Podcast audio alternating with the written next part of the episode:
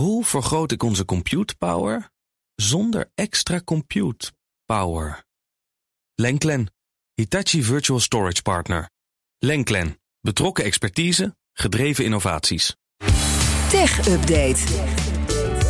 En Michiel Jurjens komt letterlijk binnengerend in de studio. Want die zat nog uh, geplakt aan het scherm om de lancering van de raket van SpaceX te volgen. Ik zat naar een raketlancering te Ja, kijken. precies. Is het zo spannend? Ja, ik vind het echt gaaf. Maar kom er zo op terug. Ja, want eerst moet je ons even bijpraten over eh, ja, die draai van Elon Musk bij de Twitter-deal. Wat zijn de laatste updates? Ja, laatste nieuws is dat er in ieder geval nog geen overeenkomst is om een streep te zetten door die rechtszaak die eraan zit te komen tussen de twee partijen, tussen Elon Musk en Twitter.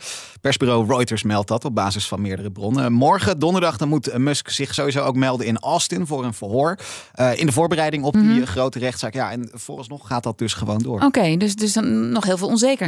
Ja, ja, eigenlijk het enige wat we ja, zeker weten is dat er dus gisteravond een brief kwam van advocaten van Musk. Waarin hij dus zegt: ja, hij wil Twitter overnemen voor die 44 miljard dollar. Maar ja, dat heeft hij al een keer eerder gezegd. Eh, het is inmiddels een half jaar geleden dat die plannen ook bekend werden. En ja, terwijl er al een deal lag, trok Elon Musk zich terug. Ehm, ja, het is ook niet zo gek dus dat Twitter het niet allemaal meteen weer Nee. vertrouwt en zegt, joh, eh, is goed zo.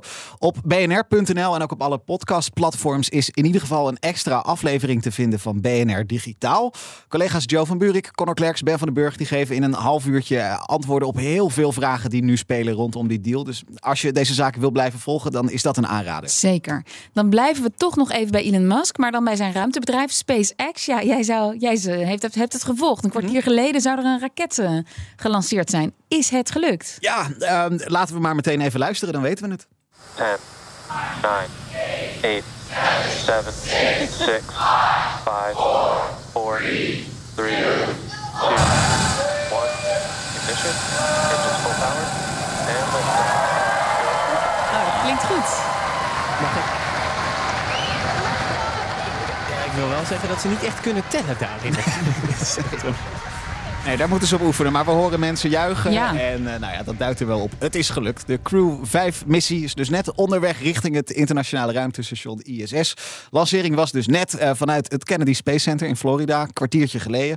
Het had al eerder moeten gebeuren. Maar toen kwam orkaan Ian daar huishouden in Florida. Nou, nu zijn ze dus wel onderweg. En ze zijn in dit geval twee Amerikanen, een Japanner. En dat is heel interessant. De Russische cosmonaut Ja. Anna Kikina. En dat is de eerste keer dat er een Rus aan boord stapt van een Amerikaanse SpaceX-raket. Nou ja, en ook in een beetje spannende tijden. Ja, Amerika zeker in deze. Zeker. Is dat bijzonder, ja. Tot slot, Spotify voert de strijd tegen schadelijke content verder op. Ja, die hebben vandaag bekendgemaakt dat ze een Iers bedrijf hebben overgenomen. Kinzen heet dat. Spotify werkte al samen met die Ieren. En eh, wat zij doen is technologie ontwikkelen die het mogelijk moet maken om ja, de online content, waaronder dus ook audio die je op Spotify vindt, de automatisch te analyseren als het ware. Op zoek naar desinformatie, haatdragende teksten, racisme, antisemitisme enzovoorts. Gebeurt dus grotendeels automatisch. En het idee is dat ja, echte mensen, dus bijvoorbeeld moderatoren, er dan sneller bij kunnen zijn om die content uiteindelijk eventueel te verwijderen. Spotify staat best onder druk al een tijdje om streng op te treden tegen schadelijke content. We hadden vorig jaar een grote rel rondom de Joe Ja, Rogan Experience. Dat is een van de grootste podcasts op het platform. Wat daar gebeurde, daar werd van alles beweerd over coronavaccins. En veel daarvan, dat was gewoon ronduit niet waar.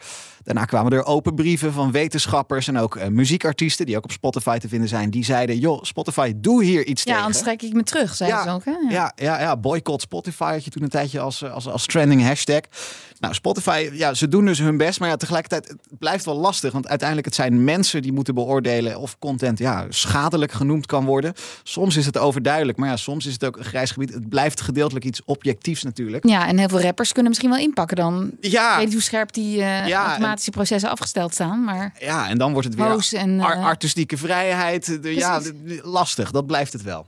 dankjewel, Michiel Jurjens. De BNR Tech Update wordt mede mogelijk gemaakt door Lenklen. Lenklen. Betrokken expertise, gedreven resultaat. Hoe vergroot ik onze compute power zonder extra compute power?